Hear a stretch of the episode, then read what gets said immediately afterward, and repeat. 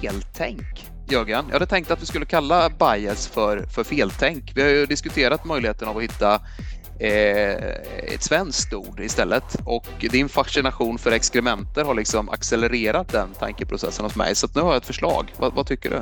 Det får mig att associera till 1984 av George Orwell. Du vet, där kunde man ägna sig åt krimtänk. Eh, jag känner mig mycket elakare än jag gjorde alldeles nyligen. Nej, men feltänk låter ju snällare än krimtänk. Så att eh, jag tycker att det var ett dubbel plus bra förslag. Poddens egen storebror, Per, agerar tankepolis och döper enväldigt om ord som misshagar honom. Hädanefter ska bias heta feltänk. Och i dagens avsnitt kommer vi således att diskutera inte framing bias utan framing feltänk. Men dessförinnan hinner vi avhandla avsnittets häst och även en lång diskussion om för och nackdelar med dubbelgranskning. I vilka situationer gör det störst nytta? Per har hittat en stor studie som vi tillsammans dubbelgranskar. I samarbete med Telekonsult har det blivit dags för oss att presentera avsnitt 31 av Röntgenpodden.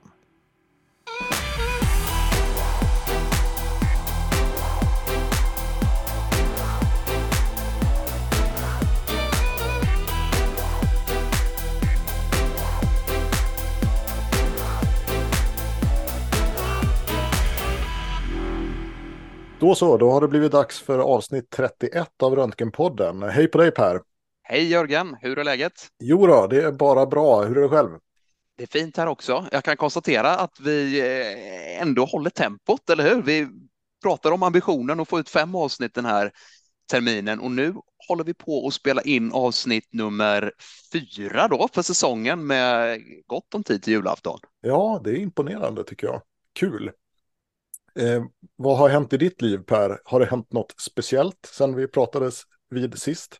Ja, alltså jag funderar på om man skulle kunna undkomma den privata elefanten i rummet och prata jobb, men jag antar att du menar att jag har passerat medelåldersstrecket då, fyllt 40. Jajamän, 40 år har Per fyllt sedan vi poddade sist. Eh, vi säger ett stort grattis till dig Per. Hur känns det att vara äldre och klokare?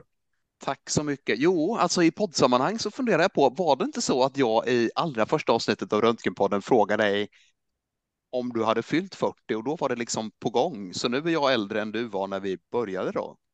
Du har säkert rätt. Jag ska säga det att jag har inte vågat lyssna på första avsnittet av Röntgenpodden för jag är rädd att det, att det ska vara så pinsamt dåligt. Du vet, man brukar säga så här, eller när, när jag kollar på så här, eh, folk som tipsar om hur man ska göra när man poddar, då brukar de säga spela in tre avsnitt och släng dem och sen kan du börja publicera. och det, det kanske inte är ett så dumt tips. Eh, men det stämmer säkert att du sa det i första avsnittet. För att jag, eh, det stämmer i alla fall att jag inte riktigt hade fyllt 40 när vi började spela in. Ja, nej, men vi, det får väl, vi får väl sväva i ovisshet i den frågan då, för några slängda avsnitt finns ju inte, utan de, de första avsnitten är de som ligger som pilotavsnitt och avsnitt två och tre helt enkelt på, på Spotify och där man hittar poddar. Ja, exakt. De ligger där de ligger så att säga. Men min upplevelse av den, den där passagen till 40 var att det hände ju inte så där jättemycket. Eh, känner du någon stor skillnad? Nej, jag skulle säga att det är tämligen odramatiskt faktiskt. Men då kan jag säga att då kan du vänta tills du fyller 44, för jädrar vad klok man blir då alltså.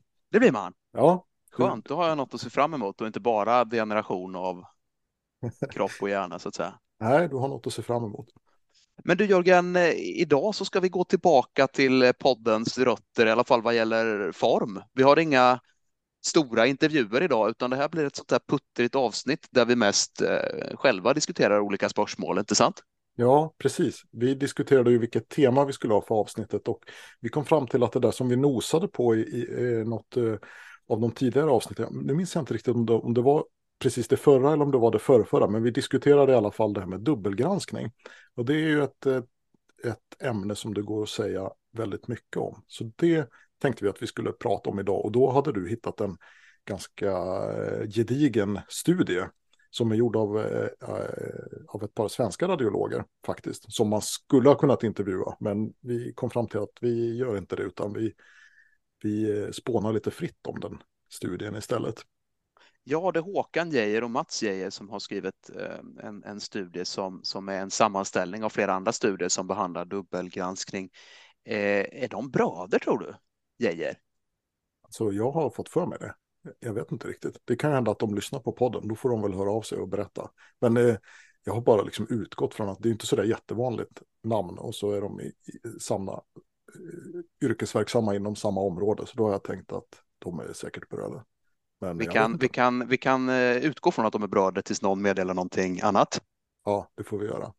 Men du, innan vi går in på den studien så ska jag väl fråga dig också vad som har hänt sen sist, bortsett från att du har nått det här magiska, kloka 44-årsstrecket då. Hur, hur, är det på jobbet? Ja, det, just den passagen, den inträffade ju redan i våras, så att det, det var inte sen sist riktigt. Nej, men äh, det har inte hänt sådär supermycket, kan jag inte påstå. Jag nämnde väl sist att vi håller på med sån här DT-upphandling på jobbet.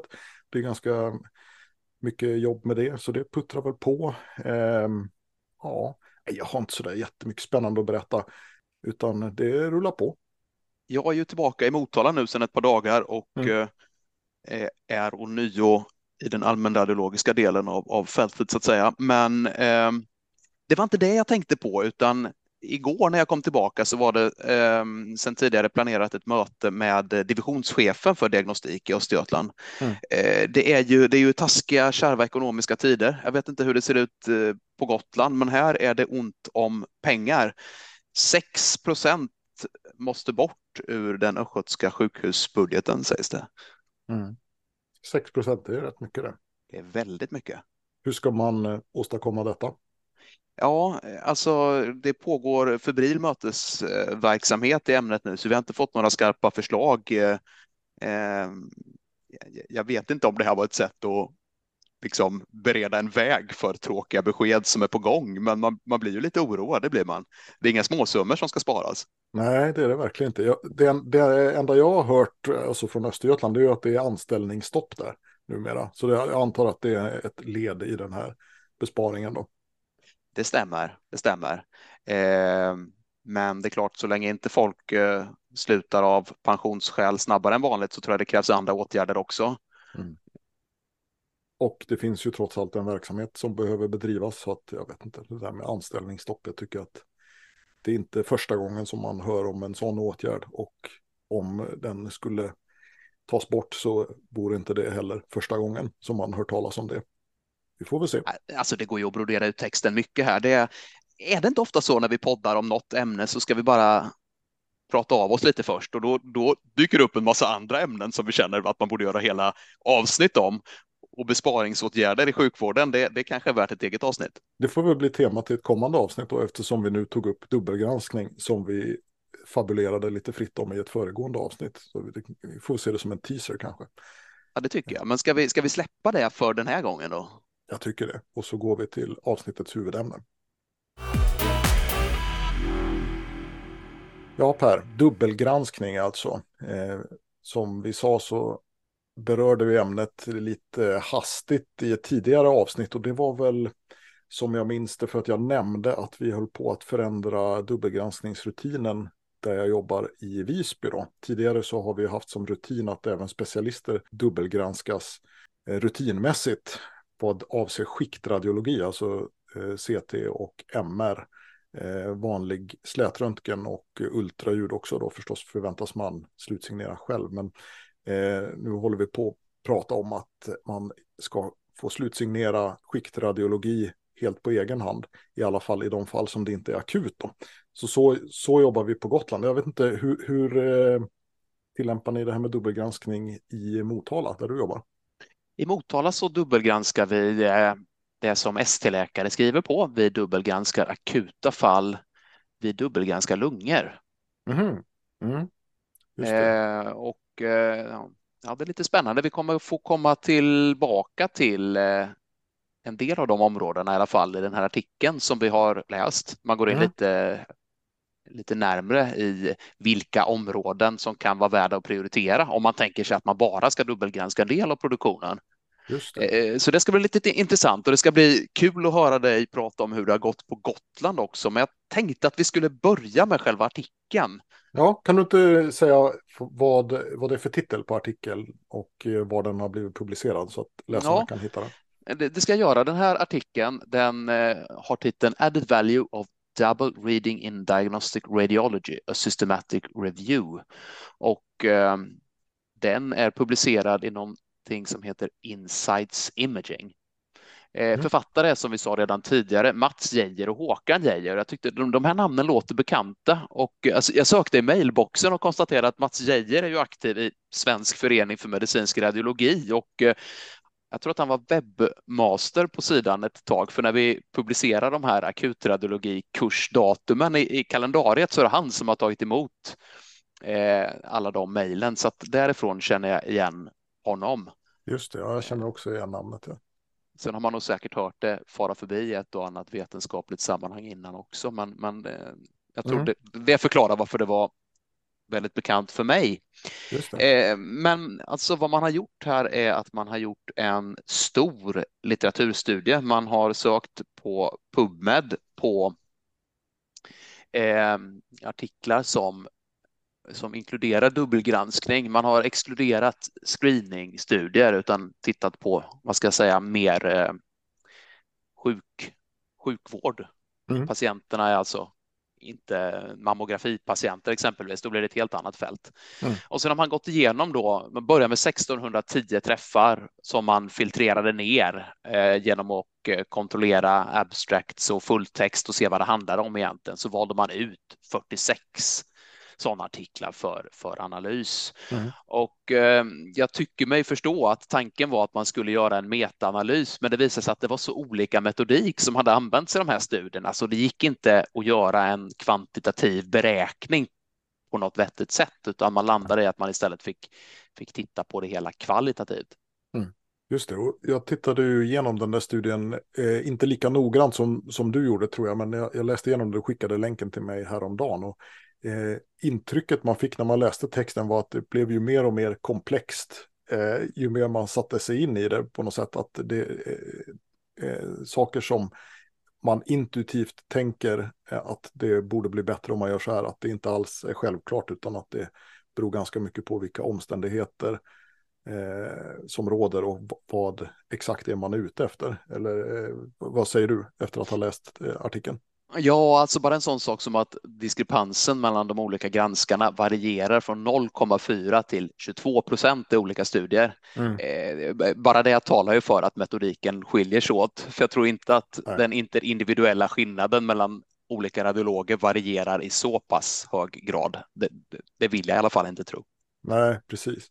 Men Ska vi börja i bakändan, alltså kommer man fram till någon entydig slutsats eh, efter att ha gjort den här litteraturgenomgången? Eller är det mer liksom en beskrivning av eh, vad olika, vad ska man säga, hur olika omständigheter kan ge olika utfall? Ja, alltså entydigt svar, nej, tyvärr. Mm. Det hade varit skönt, eller hur? För då hade frågan varit löst en gång för alla. Ja, precis. Men, Men eh... nej, alltså även författarna som har eh, anlagt en väldigt vetenskaplig eh, vinkel på det här och lagt ner väldigt mycket tid eh, konkluderar ju redan i introduktionen att det här är någonting som det finns mycket åsikter om. Mm. Det står här att most radiologists hold a very firm view on the concept of double reading either for or against. Ja. Eh, och det där känner jag liksom igen att man, ja. har, man har träffat på eh, radiologer som ivrigt förfäktar antingen mycket dubbelgranskning eller lite dubbelgranskning. Ofta liksom stöder den egna klinikens linje, men, men ingen kan riktigt backa upp det med någon solid vetenskaplig eh, studie, utan det handlar mycket om tyckanden. Ja, och eh, kanske också eh, till viss del att man, som du säger, man argumenterar för den rutin som man för tillfället arbetar med. Och eh, det kanske snarare är en spegel av det här allmänmänskliga fenomenet att man har lite svårt att ändra på sig. Så att om man har gjort på ett visst sätt under en längre tid så vill man gärna fortsätta göra på det sättet. Men jag tänker att även om slutsatsen i den här studien inte är entydig utan det finns gott om utrymme för tyckanden så tänker jag ändå att vi får, får börja i rätt ända. Alltså man har ju mm. trots allt kunnat plocka ut en hel del slutsatser, låt mm. vara från olika studier och låt vara att de pekar i lite olika riktning. Men jag tänker det är ändå någonting att bygga vidare på. Mm. Mm. Absolut. Eh, man har i ett eh, försök att systematisera det här delat upp de här studierna lite efter, vad ska jag säga, baserat på vem det är som dubbelgranskar. Mm. Är det två stycken radiologer med likartad grad av erfarenhet eller rör det sig om en subspecialist som eftergranskar en generalist? Det blir ju mm. i viss mån olika eh, resonemang, inte sant? Ja, absolut. Eh, och eh, om man börjar med den första kategorin då, alltså en dubbelgranskning av, eh, vad ska man kalla det, likvärdig grad av subspecialisering. Då tittade man bland annat på eh, trauma-CT. Ja. Det tror jag är en sån här typ av undersökning som många eftergranskar, även på institutioner där man jobbar relativt lite med dubbelgranskning. Det liksom ligger lite i sakens natur. Det är en stressig situation för patienten kan vara svårt skadad. Det är flera kontrastfaser, det är många bilder och det finns eh, krav på en åtminstone primär tolkning omedelbart medan hela traumalaget står, står bakom en ju. Mm. Precis, och det, och det känns ju intuitivt som en sån undersökning som jag tror fler skulle tycka det var rimligt att man dubbelgranskade än som skulle tycka att, man, att det är bra att köra en generell dubbelgranskning på allting, eller hur? Just ja. av de skälen som du nämner. Och det kanske avspeglar lite grann vilken typ av fel det man, som man är ute efter, eller hur? För då tänker jag att i det här, det här scenariot så kanske man snarare är ute efter att eh, fånga perceptionsmissar i en stressig situation snarare än att dubbelgranskaren kommer och säger du den där blödningen som du har beskrivit i leverhilus, är det verkligen en blödning? Är inte det något annat? Eller hur? Det är ju kanske snarare att man har missat någonting i första granskningen än att man har gjort en feltolkning som sen blir modifierad, tänker jag. Ja, men det är väl en, en klok anmärkning tycker jag. Alltså visst har man varit med om att det är någon patient som kommer in med vad som visar sig vara en aneurysmblödning och det där fallet hade kanske ingen större betydelse. Mm. Men i de allra flesta fall så är skademekanismen klar. Mm. Ett trauma är ett trauma. Det, det är inte en oklar tubersjukdom. Nej, nej, men exakt. Men i alla fall så hade tre av de studier som man har granskat behandlat just trauma-CT och där hade de hittat en eh, eh vad ska jag säga, diskrepans mellan första och andra granskningen på mellan 26 och 37 procent. Okay. Rätt höga siffror. Mm. Å andra sidan så hade åtminstone någon av de här studierna grävt lite djupare i vad fick det för konsekvenser. Det visade sig då att 2,3 procent av fallen så ändrades handläggningen, det vill säga en minoritet bara av, av fallen.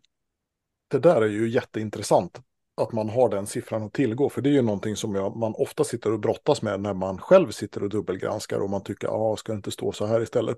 Då får man ju liksom eh, ta tänkandet lite till nästa nivå och fundera på, ja, ah, men spelar det verkligen så stor roll då? Eh, kommer det att ändra på någonting? Och min misstanke är att den kliniska handläggningen ändras i ganska få fall eh, efter att det har kommit tillägg till ett preliminärsignerat utlåtande.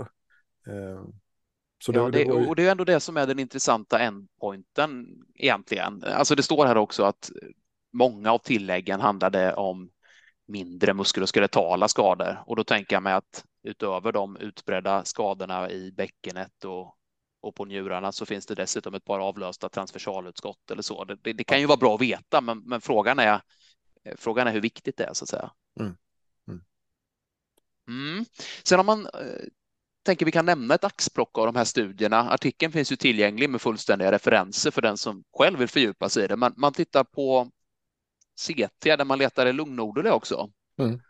Där hade ju sensitiviteten på gott och på ont ökat om man nyttjade dubbelgranskning. Men, men det var intressant att hade man använt en datastödd granskning så ökade faktiskt eh, sensitiviteten ytterligare och där kan man ju ifrågasätta då det, det blir ju egentligen två olika saker man kan skjuta in sig på som kritiker, det vill säga dels är de här fynden överhuvudtaget någonting man vill hitta och dels ska vi lägga mänsklig kapacitet på att detektera de här nodulina en andra gång eller ska vi ha någon form av AI-stöd?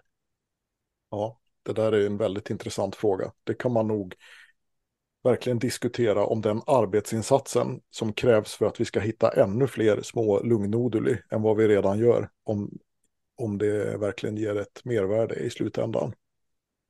Det är jag nog tveksam till, men ja. Och sen ytterligare en aspekt är ju det då att kan det vara så att det var rätt från början och att tillägget ökar till förvirringen utan att bidra till diagnostiken eller förbättra handläggningen. Eh, det, det funderar man lite kring då i en, en annan studie här. Man hade tittat på eh, en artikel som eh, handlade om patienter med ovarialcancer och CT-kolonundersökningar. Mm. Och eh, då fanns det en trend mot högre sensitivitet när man tillämpade dubbelgranskning, men den var inte statistiskt signifikant. Och eh, man såg dessutom i en studie då att dubbelgranskning ökade antalet falskt positiva, som naturligtvis kräver ytterligare då arbete från sjukvården. Låt mm. säga att man eh, har en massa falskt positiva förändringar i kolon, då är det ju massa patienter som ska skoperas och så vidare och så vidare. Ja, och det är ju inte en riskfri verksamhet heller och framförallt inte någonting som är gratis. Att, Nej. Eh, mm.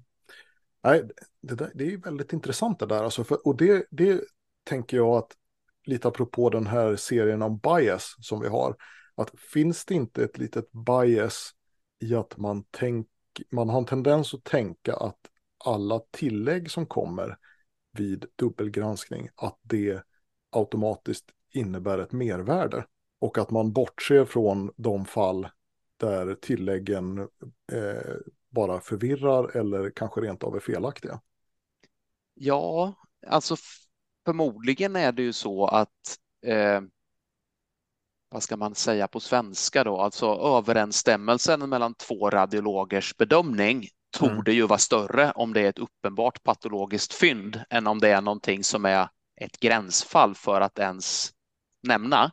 Exakt, och då är vi återigen inne på det här, vad är det man är ute efter? För perceptionsmissar är ju en sak, att man tittar på någonting och så har man liksom missat att det, det finns en lektion här eller var. Eh, och eh, det är en sak, men om man, om man sen har sett någonting och tagit ställning till att jag inte tror att det är farligt och så kanske jag inte ens har nämnt det. Bara för att jag tycker att det är trevligt med korta utlåtanden till exempel. Eh, då är det ju snarare en bedömningsfråga om andra granskaren kommer med synpunkter på det. Eh, och, och, det är en lite annan situation tycker jag. Om, man, om jag ställer frågan så här till dig Per, har det, har det hänt någon gång att du har fått synpunkter från någon som har dubbelgranskat dig och så har du tänkt att ah, det där håller jag nog inte riktigt med om eh, egentligen. Men, det har väl förekommit? Det har väl förekommit. Har det också hänt att du har tänkt så här, men okej, okay, det är ju ingen stor sak, jag orkar inte eh, lägga tio minuter av mitt liv på att debattera saken, utan det får, det får väl stå som, som den som kommer med synpunkten säger då. Har det hänt någon gång? Ja, men det, det har väl också hänt. Ha, har det sen i efterhand visat sig att det du ursprungligen tyckte faktiskt var det som var rätt? Ja, alltså Nå någon gång. också det har ju hänt. ja, och då men, tänker men jag att, att säga, i de fallen, då ja. har ju dubbelgranskningen inte tillfört något mervärde utan snarare ett mindervärde, eller hur? Det, det har kostat tid och resurser och det har blivit sämre som, som resultat. Ja, så är det ju absolut. Och, och, för att liksom inte snacka upp min egen persona i allt för hög grad så kan det kanske vara på sin plats att erkänna att det också har förekommit fall där man skrivit ett och annat tillägg mer för att man tycker att det här är mer korrekt än Exakt. för att man tror det kommer att påverka handläggningen egentligen. Nej, men, eller hur, precis. Ja. Och det är det jag menar, att själva, själva processen driver ju, det ökar ju risken att man beskriver irrelevanta fynd. Skulle jag säga. Absolut, absolut. Och alltså, vi kan inte gå igenom alla studier som, som eh, Geijers har, har granskat, men det finns ytterligare många som stödjer precis det du sitter och säger här. Mm. Eh, exempelvis då en artikel man tittar på, på tarmundersökningar, eh, gamla hedliga barumundersökningar och eh, eh det, det, det, var en negligerbar förbättring vad gäller diagnostiken, men man hittade ökade, ökande mängder falska positiva. Mm. Eh, så att alltså det, det, tycks finnas ganska god evidens för att man hittar onödiga saker vid dubbelgranskning. Och vet du, jag kommer att tänka på en annan jätteintressant studie där man har tittat på den här effekten i, eh, i förhållande till AI-granskning. Och det här var en studie jag hörde talas om genom en, en jättebra eh, brittisk radiologisk eh, podd som heter Radcast. Den kan jag rekommendera alla att lyssna på. Och den, nu ska vi se, jag hade förberett den studien här, den heter Can incorrect artificial intelligence results impact radiologists and if so, what can we do about it? Eh, och då har man då har man gjort ett experiment där man har låtit sex radiologer titta på 90 stycken lungröntgenundersökningar eh, vid fyra olika tillfällen. Första tillfället så fick man titta på dem helt själv och skriva ett svar. Eh, och då var det ju då förstås vissa av, av undersökningarna som hade patologi och andra som var normala. Sen väntade man en månad och sen fick man titta igen efter att man hade fått en tolkning av AI. På samma undersökningar alltså? På samma, samma undersökningar, precis. Och sen gjorde man om experimentet och då varierade man eh, AI-tolkningen eh, på så vis att man vid första tillfället sa att resultatet av AI-tolkningen kommer att sparas i patientens journal. Och vid andra tillfället sa man att det inte kommer att sparas i patientens journal. Och sen gjorde man det, det igen vid ett tredje tillfälle och där sa man att resultatet kommer sparas i patientens journal och så hade man låtit AI-programmet ringa in området där AI hade beskrivit eventuell patologi. Och då hade man manipulerat AI-utlåtandena så att de i vissa fall var fel. Så att AI sa att det fanns patologi på undersökningar som i själva verket var normala, eller vice versa. Och så såg man hur radiologerna påverkades av AI-tolkningen. Och det visade sig ju då eh, föga förvånande att om man som radiolog tyckte att undersökningen var normal när man tittade själv, men när man fick en AI-tolkning som sa att det fanns patologi, då blev man mer benägen att ändra sitt utlåtande till att det fanns patologi även när det inte stämde. Och den här effekten den förstärktes förstås av om man fick veta att Eh, resultatet från AI-tolkningen skulle sparas i patientens journal. För då var man väl förstås rädd att man skulle drabbas av eh, någon form av konsekvens av eh, om den tolkningen som man egentligen trodde på, alltså att det, undersökningen var normal, skulle visa sig vara felaktig. Då. Men sen om man hade den här boxen då, om AI sa att det fanns patologi och den hade ringat in ett område där det inte fanns någon patologi, Eh, då blir man ju mer benägen att tro på sin egen tolkning då förstås. Men det här, det tycker jag, det kopplar lite grann till det vi säger, att man kan eh, vara ganska säker på sin tolkning från början och ha rätt, men när det sen kommer liksom feedback från en utomstående, oavsett om det är en människa eller AI då, så blir man ju mer osäker på om det var rätt och man är benägen att hoppa i galen tunna. Liksom. Ja, men det är väl lite det här eh, alliterative bias, va? Visst har vi diskuterat det inom ramen för vår, vår eh, serie om olika typer av feltänk? Ja, vilken var det nu då? Alliterative bias, du får ju påminna mig för jag blandar ihop de här. Eh... Alliterative bias represents the influence that one radiologist's judgment can exert on the diagnostic thinking ja, of another radiologist. Ja, jag tänker exakt. att eh, AI borde ju det borde vara samma sak om det är ja. en digital radiolog. Så här. Ja, men precis. Ja, ja det var ju det... intressant och jag är inte heller förvånad över att eh, journalförandet av den avvikande åsikten påverkar saker och ting.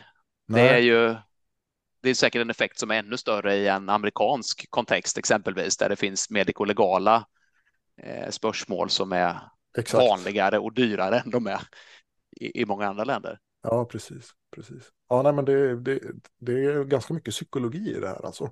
Verkligen. Mm. Men jag tänker, eh, vi hade ju kommit en bit in i den här eh, stora studien som, som är den vi diskuterar innan ja. vi började sväva ut. Ja, ursäkta, det var jag som förde in oss på ett stickspår här. Nej, men det är väl lite stickspår är väl vad vi jobbar med, eller hur? ja, jo, det är sant. Men, men det andra huvudspåret här då eh, gällde då eftergranskning, inte av två kollegor på samma institution eller med samma grad av erfarenhet, utan istället en kontext där en subspecialist granskar svar från en, en generalist. Mm. Och det var ju lite intressant. Eh, hur, hur, tror du samstämmigheten skilde sig ifrån studier där det rörde sig om två stycken radiologer med likartad erfarenhet? Alltså den borde ju bli, samstämmigheten borde bli mindre, alltså det borde vara större risk att få ett tillägg om en allmän radiolog blir eftergranskad av en subspecialist än om en allmän radiolog blir granskad av en annan allmän radiolog. Ja, så var det också, föga förvånande. Eh, jag tyckte det var lite intressant för jag gick in i en del av de här studierna som man refererar till och som eh, vad ska jag säga, rör radiologiska spörsmål som jag jobbar med på mm. gastrosektionen i Linköping, bland annat resektabilitetsbedömningar av pankreascancer där man kunde konstatera att det skilde ganska rejält mellan generalister och eh, specialister. Mm. Och vet du, det förvånar inte mig, men jag är lite osäker på om det kan sägas vara ett argument för dubbelgranskning, i alla fall i den mening jag ser framför mig när man pratar om dubbelgranskning. Alltså, många av de här fallen där, där man tjänar på att vara en, en stor eh, universitetsklinik där granskningen blir bättre, det är ju fall som vi rutinmässigt diskuterar på ÖAK-konferenser eller andra typer av multidisciplinära konferenser. Det finns så att säga inbyggt i systemet att det här är fall mm. som bör granskas av subspecialiserade radiologer. Man Precis. har i systemet fångat upp den här förbättringspotentialen på ett sätt som jag ändå ser som väsensskilt ifrån dubbelgranskning. Är du med på hur jag tänker? Jag är helt med på hur du tänker, för då, då har man ju identifierat behovet av dubbelgranskning i efterhand. Alternativet skulle ju vara att man till exempel sa att samtliga DT-pankreas som körs på eh, länsdelssjukhus och länssjukhus i min region ska dubbelgranskas av en subspecialiserad bukradiolog. Men eh, då tror jag att de fallen där dubbelgranskningen eh, ger det mervärde vi pratar om här, det skulle vara en väldigt liten andel av alla undersökningar. Som, alltså det blir väldigt mycket bortkastat arbete tror jag för, för lite nytta om man kör den approachen. Ja, och det skulle bli väldigt mycket merarbete för de som eh, kanske gör större nytta genom att granska fall man vet är patologiska. Ja. Eh, alltså skillnaden i det här i min tankevärld är ju att dubbelgranskning, då handlar det om fel som görs av radiologer som inte är antingen rena perceptionsmissar eller att den som granskar bilderna eh, inte är medveten om sin egen bristande förmåga. Ja, just det. Dunning-Kruger-effekten. Kanske, om man vill vara lite elak. Ja.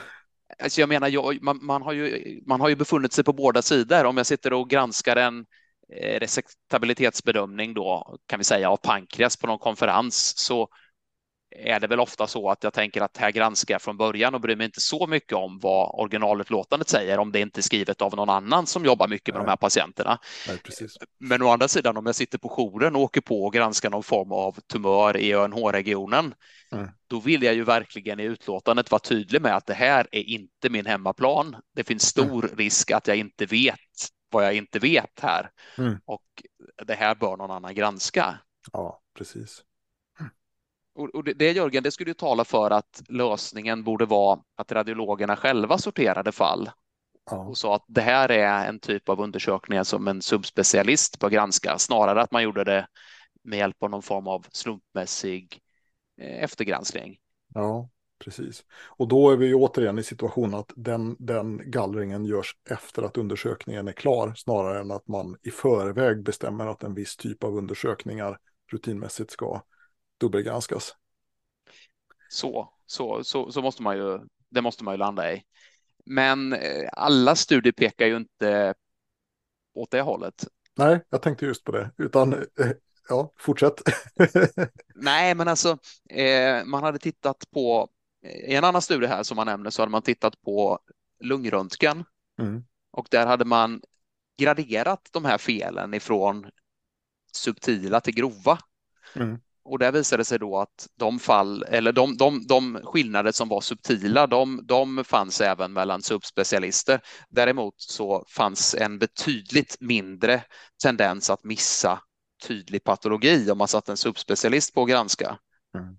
Och det motsäger ju det här resonemanget. Alltså, det kanske inte är en heltäckande lösning att skicka specifika typer av fall till MDK-konferenser, utan man kanske ändå behöver någon form av primärgranskning av subspecialister och det är ju lite tråkigt då för i så fall är vi ju tillbaka på ruta ett egentligen. Ja, och jag är inte så säker på att landets thoraxradiologer är så sugna på att få landets alla lungröntgenundersökningar skickade till sig för att vi allmänradiologer ibland gör grova missar. Det faller faktiskt... på kapacitetsproblem ja, kanske. Ja, jag inbillar mig att det är så i alla fall. Eh, jag tänker bara, nu har vi pratat om eh, olika studier som har svävat ut åt olika håll mm. och precis som artikelförfattarna så tycker jag vi ska försöka någonstans eh, sy ihop det här. Och jag mm. tänkte att man kunde citera deras slutkläm för att de, de har redan gjort jobbet åt oss. Ja. Eh, så får vi se om vi håller med eller inte. Okej, okay, få höra. Och då, då, skriver man att in conclusion, the systematic review found in general rather low discrepancy rates when double reading uh, radiological studies. The benefit of double reading must be balanced by the considerable number of working hours systemic double reading scheme requires. Det vill säga att eh, frågan är om de fel man hittar verkligen motiverar den tid det tar att hitta dem. Mm. Eh, och så står det här då att a more profitable scheme might be uh, use uh, using of systematic double reading for selected high risk examination types, mm. multitrauma exempelvis då. Mm. A second conclusion is that there seems to be a value in subspecialization for increased report quality. A consequent implementation of this would have far-reaching organizational effects. Ja, det är väl bara att hålla med. Det är bara att hålla med. Mm. Eh, och jag tänker lite att det här, det här är ju någonting som egentligen i vår digitala sammankopplade värld inte skulle behöva innebära så himla mycket. Alltså tänk dig att man, man någonstans då delar upp radiologin i akuta spörsmål som var och en bör kunna diagnostisera jourtid. Mm. Å ena sidan. Mm. Och frågor som bör hanteras av lite mer inriktade radiologer å andra sidan. Mm. Och så länge man tänker sig att de här andra frågorna, eh, alltså om man tänker sig att subspecialiseringen inte är så extrem, alltså att, att det inte bara är något nationellt centrum som jobbar med undersökningarna, utan att varje radiolog har någon form av profil, då borde man ju kunna klara det här så att säga utan att behöva öka antalet radiologer eller specialiserade centra mm.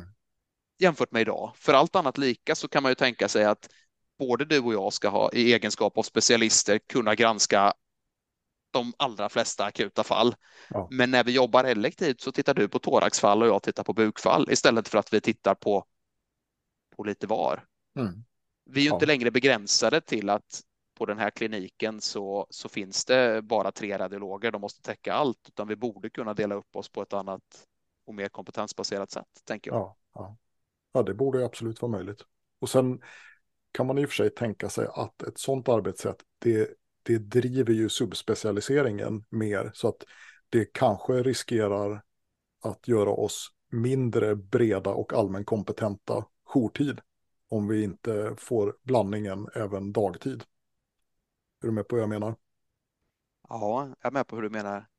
Alltså, jag ska, ja, hur... inte säga att, jag ska inte säga att det här är enkelt. Jag ska inte säga att det är fel att problematisera, men vi försöker ju sy ihop det här nu Jörgen. Ja, och jag, jag sabbade alltihop. Jag, ja, nej, men alltså, akutverksamhet behövs ju dagtid också. Jag tänker ja, alla måste kunna rotera in i akutlaget. Och då, kanske, man, då, då, då kanske man mer blir subspecialiserad som akutradiolog då i så fall.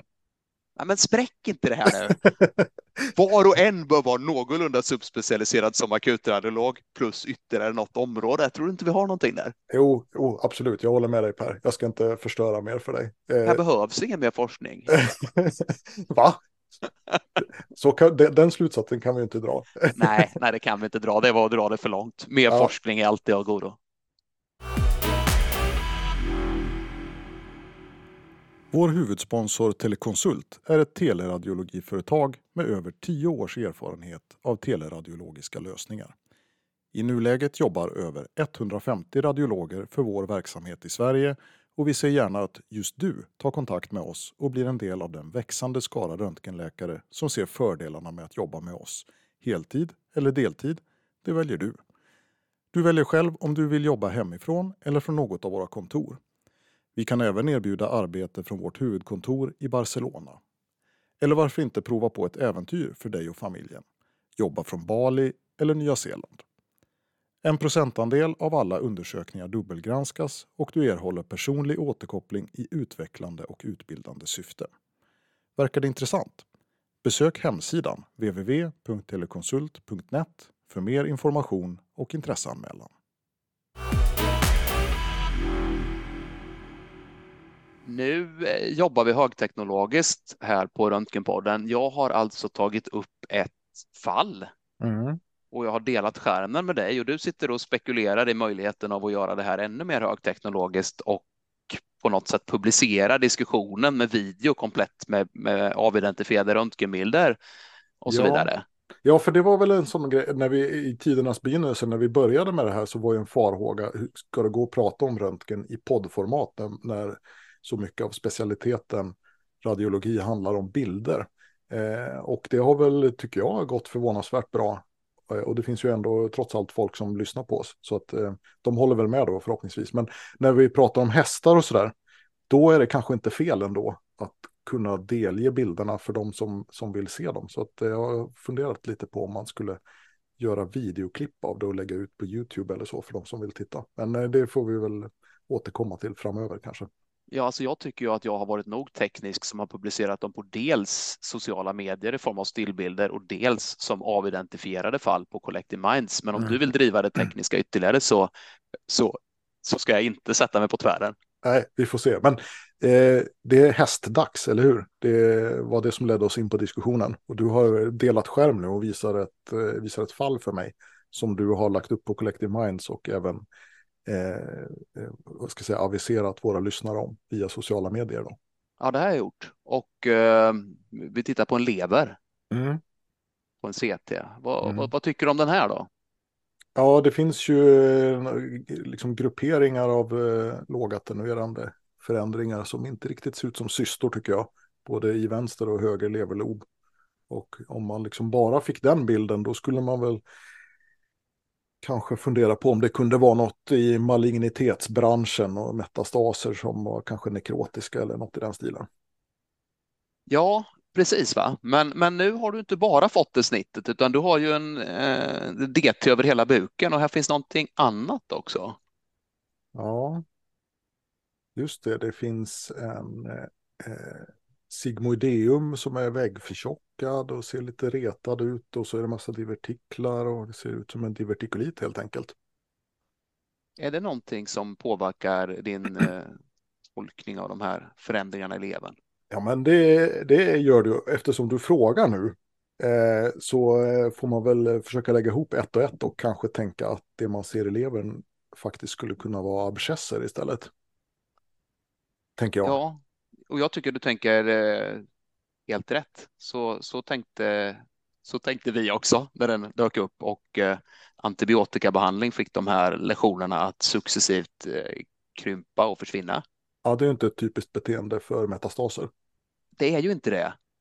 Men eh, vad tycker du då? Är det här, är abscesser i levern, är det en häst? Jag hävdar att det inte är en zebra, men det kan ju vara så att jag har blivit lite biased av att eh, jag numera jobbar halvtid på en gastrosektion. Nej, men jag tycker alltså zebror, det är ju sådana här, det är ju väldigt ovanliga grejer. Det är ju trots allt inte leverabscesser, men det är inte vanligt heller. Och jag tycker att det är ett välvalt fall för att det är ett potentiellt misstag som kan leda klinikerna in på fel behandlingsspår om man kallar det för metastaser istället för att nämna möjligheten av, av abscesser. För att behandlingen är ju helt olika förstås. Ja, eh, alltså jag tycker ändå det här är en differentialdiagnos som dyker upp. Det är ju väldigt vanligt att man hittar cystiska förändringar i levern och de allra mm. flesta är väldigt välavgränsade. De uppvisar ingen som helst kontrastladdning och de har attenuering som vatten. De, mm. de är benigna hepatobiliära cyster, men när de är bortsorterade så finns det ganska mycket olika differentialdiagnoser kvar. Mm. Och där har vi ju de här abscesserna som, som en av dem. Då, va? Eh, det kan vara primära cystiska leverlesioner eh, också förstås. Det skulle kunna vara metastaser. Det kan vara sekundära infektioner i befintliga cyster. Det blir väl lite, lite tveksamt om det är egentligen en annan entitet, men det finns, det finns flera möjligheter. Hydratidscyster. Mm. Så frågan är när ska man tänka då att det trots allt rör sig om abscesser? Ja, jag tänkte just det. Du, du som la upp det här fallet, du kanske har forskat lite eller letat lite i litteraturen. Alltså, när jag hör leverabscess då, då tänker jag att eh, divertikulit eller någon form av, av kolit eh, borde vara ett, ett väldigt vanligt, eller enterit för den delen, borde vara en väldigt vanlig primär orsak till abscesser. Eller finns det andra tillstånd som också kan ge leverabscesser?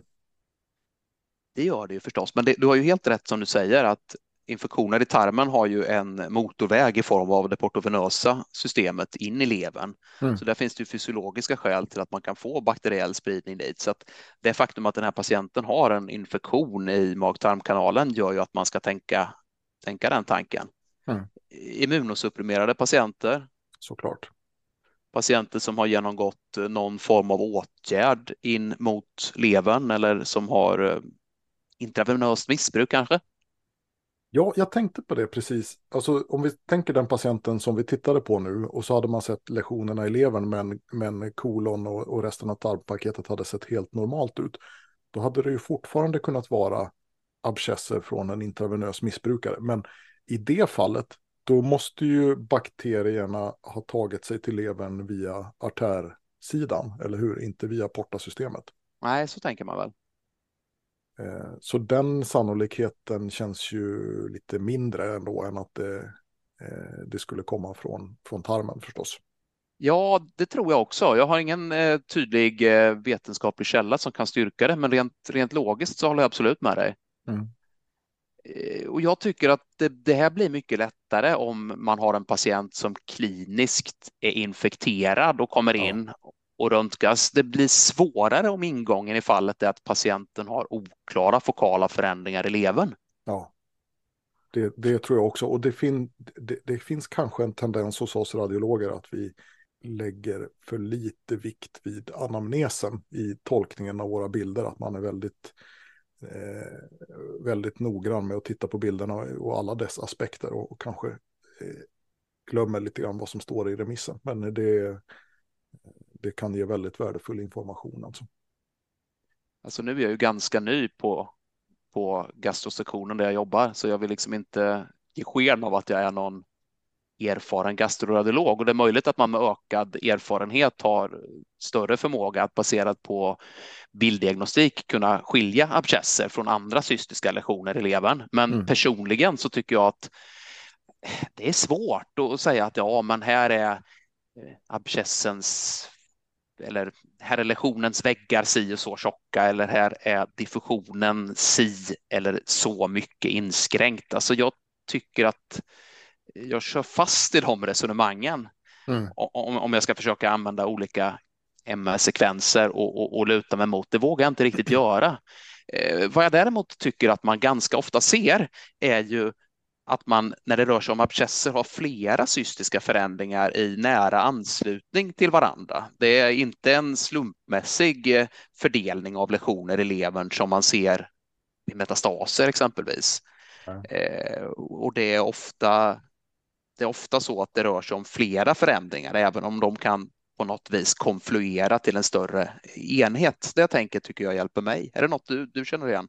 Ja, men det känns ju lite logiskt att de, de kanske liksom knoppas av ifrån varandra på något sätt. Eller att det, man tänker sig att det är en septisk emboli ändå som, som eh, är grundorsaken till detta och att då kommer en liten, liten klump som fastnar och så kanske att den delas upp i två och en liten seglar iväg vidare till ett, ett smalt kärl strax intill och så blir det som lite så här blomkålsutseende eller hur man ska kalla det för. Så det känns väl, känns väl logiskt tycker jag. Men å andra sidan så eh, borde väl metastaser te sig lite på samma sätt.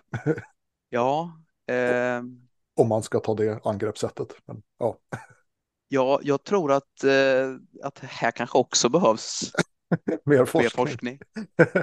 Precis, varför, ser, varför beter de sig som de gör elever? Nej, men eh, jag, jag håller med dig om, om eh, att det, det, typiska utseendet och den typiska fördelningen skiljer sig lite åt mellan de här entiteterna. Men jag känner att mitt försök till förklaring kanske bara bidrog med mer förvirring än, än klarhet.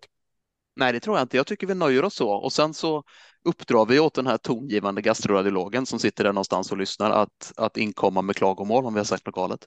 Ja, det låter klokt. Så gör vi.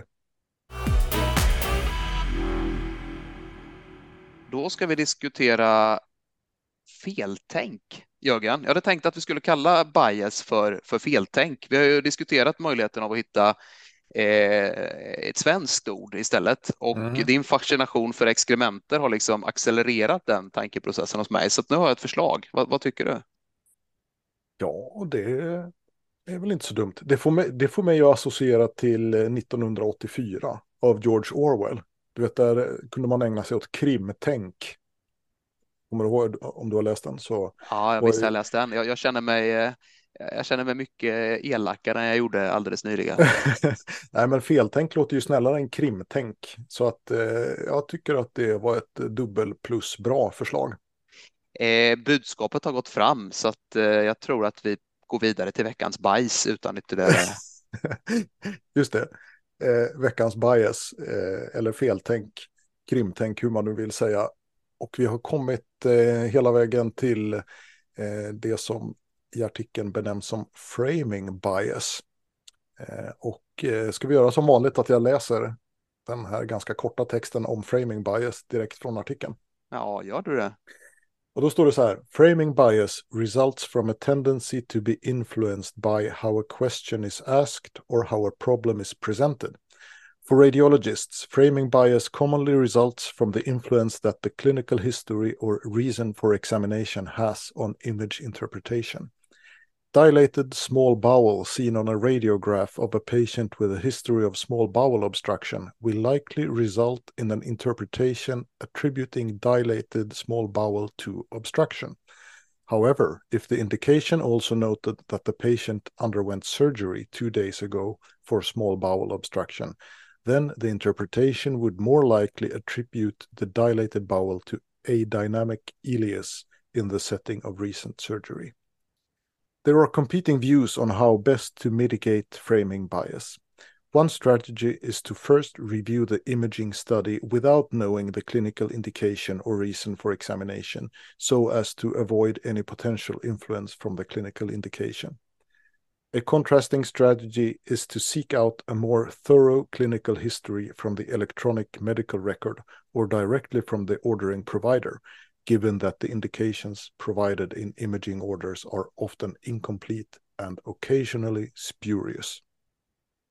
Det här känns ju lite ironiskt med tanke på vad vi diskuterade nyss. Ja, jag tänkte på det också. Det här är ju faktiskt, eh, budskapet här är ju raka motsatsen till det som jag eh, lite raljant kanske sa i, i eh, förra avsnittet, att eh, vi radiologer har en tendens att inte lägga så mycket vikt vid anamnesen. Här är problemet det motsatta, att man lägger för stor vikt vid anamnesen så att man låser sig eh, vid en hypotes som presenterats i remissen och som kanske gör att man får skygglappar för andra eh, alternativa diagnoser.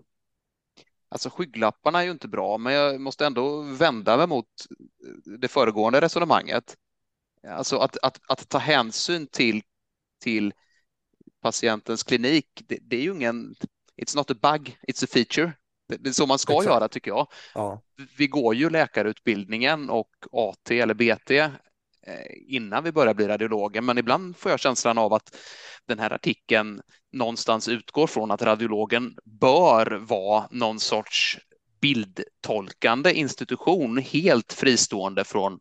sjukvården. Mm. Mm. Och det är väl en alternativ strategi då. Man skulle kunna utbilda någon sorts, snabbutbilda någon sorts bildtolkare som överhuvudtaget inte var läkare och inte la sig i handläggningen. Men det är i alla fall inte så jag föredrar att se på min egen yrkesroll. Nej, precis. Och det där, det blir väl... Eh, eh, eh, det ger mig liksom bränsle till, till att ta in på ett stickspår igen då, på AI-spåret. För det, AI kan man ju mata med bildmaterial. Men hur man får in uppgifter från anamnesen som för AI att väga in i sin tolkning. Det är nog inte, inte alls lika lätt. Alltså. Så att här har ju vi mänskliga tolkare både en fördel och potentiell nackdel i förhållande till AI, tänker jag. Att, eh, det är lättare för oss att ta hänsyn till remissuppgifterna och anamnesen och väga in det i, i tolkningen av bildfynden men det finns ändå det finns ändå tillfällen där man får frågeställningar i remisstexten som behandlar tillstånd man mer eller mindre aldrig har hört talas om. Ja, det finns det. Gärna sånt där italienskt eh, trippelnamn och så syndrom efter. Så det första man måste göra är att googla på det där syndromet. Vad fasen är det nu då? Och ja, sen, man slår febrilt i böckerna. Precis, och så tittar man ju extra noga efter just det förstås. Ja, och så, så, så, läser man då i någon form av vetenskaplig källa att det här, det här eh, syndromet kännetecknas av streck och prickar i det här området.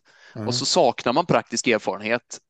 Man tittar på bilderna igen och istället streck och prickar. Ja, nog är det kanske en liten prick där. Så då blir det att eh, det här italienska trippelnamnet syndrom eh, kan möjligen föreligga eller kan inte uteslutas eller något sånt dubiöst. Det är väl ett bra exempel på framing bias säkert. Och där känner jag att det blir väldigt viktigt hur remissen är skriven. Om man nu har någon sorts eh, pre-test probability som är hög mm. så är det väl det här italienska trippelnamnstillståndet då. Ja, precis. Nej, men alltså om man har en, en relevant specialiserad kliniker som på god grund misstänker någonting. Ja. Och det någorlunda överensstämmer med, med eh, bilderna så, så är det ju ganska stor sannolikhet att man har träffat rätt. Men om det är någon mindre erfaren förmåga som just på en föreläsning själv har hört talas om det här ovanliga tillståndet och sen skickar frågan vidare direkt till den lika obildade radiologen, då, då, då är man ute på tunn is. Ja, precis. Sen så tycker jag att det brukar gå att känna igen det lite grann. Eh, alltså när det kommer eh, fyra väldigt aparta frågeställningar eh, som var och en är ett udda syndrom. Då kanske man börjar ana att det här är nog någon som inte riktigt har eh, tänkt tanken helt klart innan personen skrev sin remiss. Och, utan det är kanske snarare en som har googlat på tänkbara differentialdiagnoser till symptom X, Y och Z. Och så kommit upp med en lista den vägen. Eh, men visst. Och med ökad grad av erfarenhet så tror jag det blir lättare att slå bort de här också. Jag kommer ihåg en nu pensionerad kollega vi båda jobbade med i Eksjö som alltid skrockade att ja, de har så god fantasi när man fick sådana här remisser med aparta frågeställningar då ofta gällande någon form av livsfarligt men ovanligt tillstånd. Ja, precis. Du, de här strategierna som nämns på slutet, ehm, är det någon av dem som du eh, själv använder dig av? Alltså antingen att titta på bilderna utan att läsa remissen eller att tvärtom vara extra noga med, med att eh, skaffa sig mer klinisk information innan du börjar titta på bilderna. Um, ja, det är en bra fråga. Uh, jag funderar på om jag tittar på bilderna utan att läsa remissen. Det gör jag nog egentligen inte.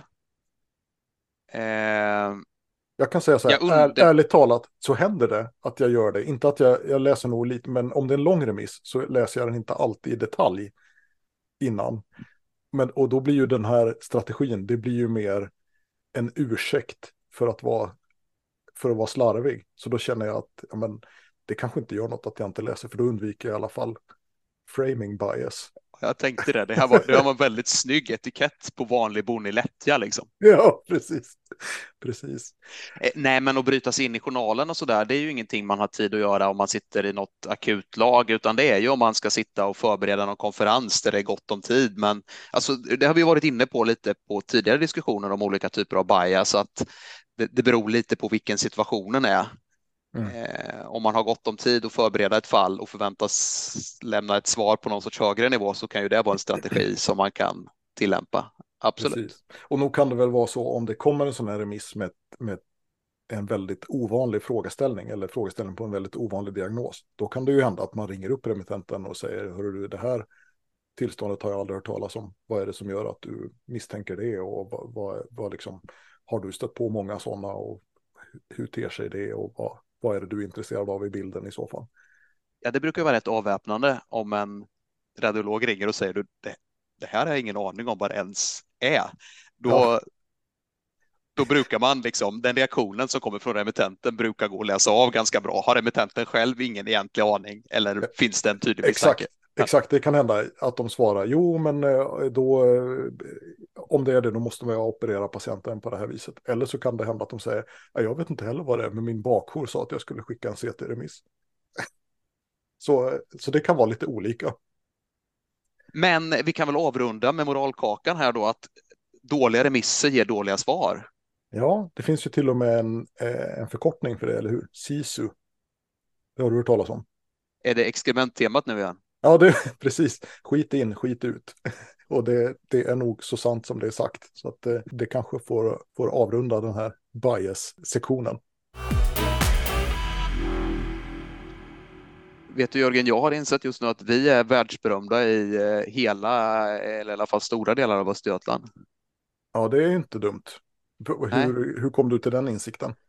I brist på vetenskapligt tung evidens så tänkte jag stödja det här med, med två anekdoter från mina arbetsplatser. Okej. Okay. Jag var och lunchade i eh, Linköping innan jag eh, gick tillbaka till Motala och då kom det fram en kollega och sa Hej Per, vad trevligt. Vet du, min första tanke när jag hörde din röst var att nu sitter någon och lyssnar på Röntgenpodden på bordet bredvid. ja, det är kul. ja, det är stort, eller hur? Ja. Mikrokändis i röntgenvärlden, det är inte illa. Och sen när jag väl var tillbaka i Motala så, så höll jag på med ultraljud och i, i Motala så finns det två ultraljudslabb och när man skriver sina svar så sitter man liksom bredvid varandra. Ja. Och kollegan som satt bredvid i, i mellan undersökningarna, han eh, pratade om att han skulle arbeta på, på någon annan klinik och, och vi började prata lite om det där. Mm. Och då visade det sig att han hade hört det avsnitt vi gjorde för ett tag sedan som handlar om att arbeta som, som hyrläkare. Ja. Livet som hyrläkare tror jag avsnittet hette och han hade blivit inspirerad och hade, hade bokat in ett, ett extra knäck eh, dagen efter tydligen. Ja, häftigt. Ja, så att vi är, vi är röntgen, röntgeninfluencers. Ja, men jag, precis det ordet tänkte jag på. Vi påverkar ju andras liv.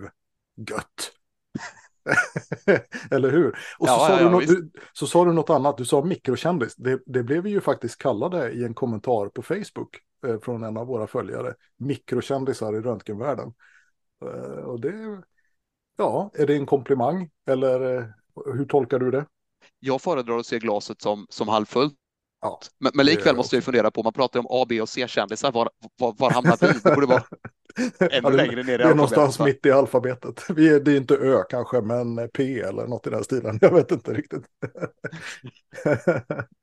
ja, okej. Okay.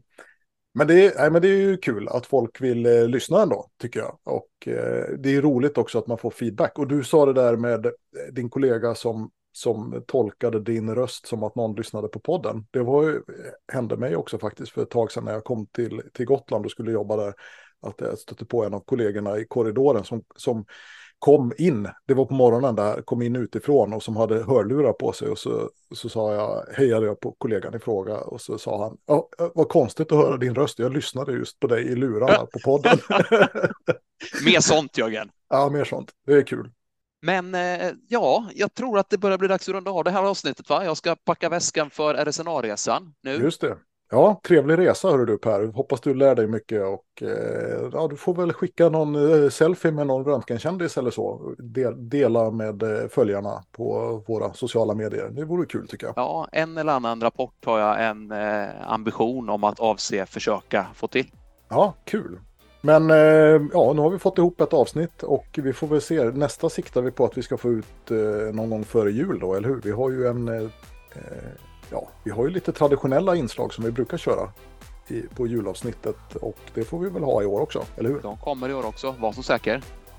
Ja, men vi kanske inte har så mycket mer att säga Per, utan vi får väl avsluta här, eller vad säger du? Det gör vi. Tack för att ni lyssnade. Tack så mycket kära lyssnare och på återhörande.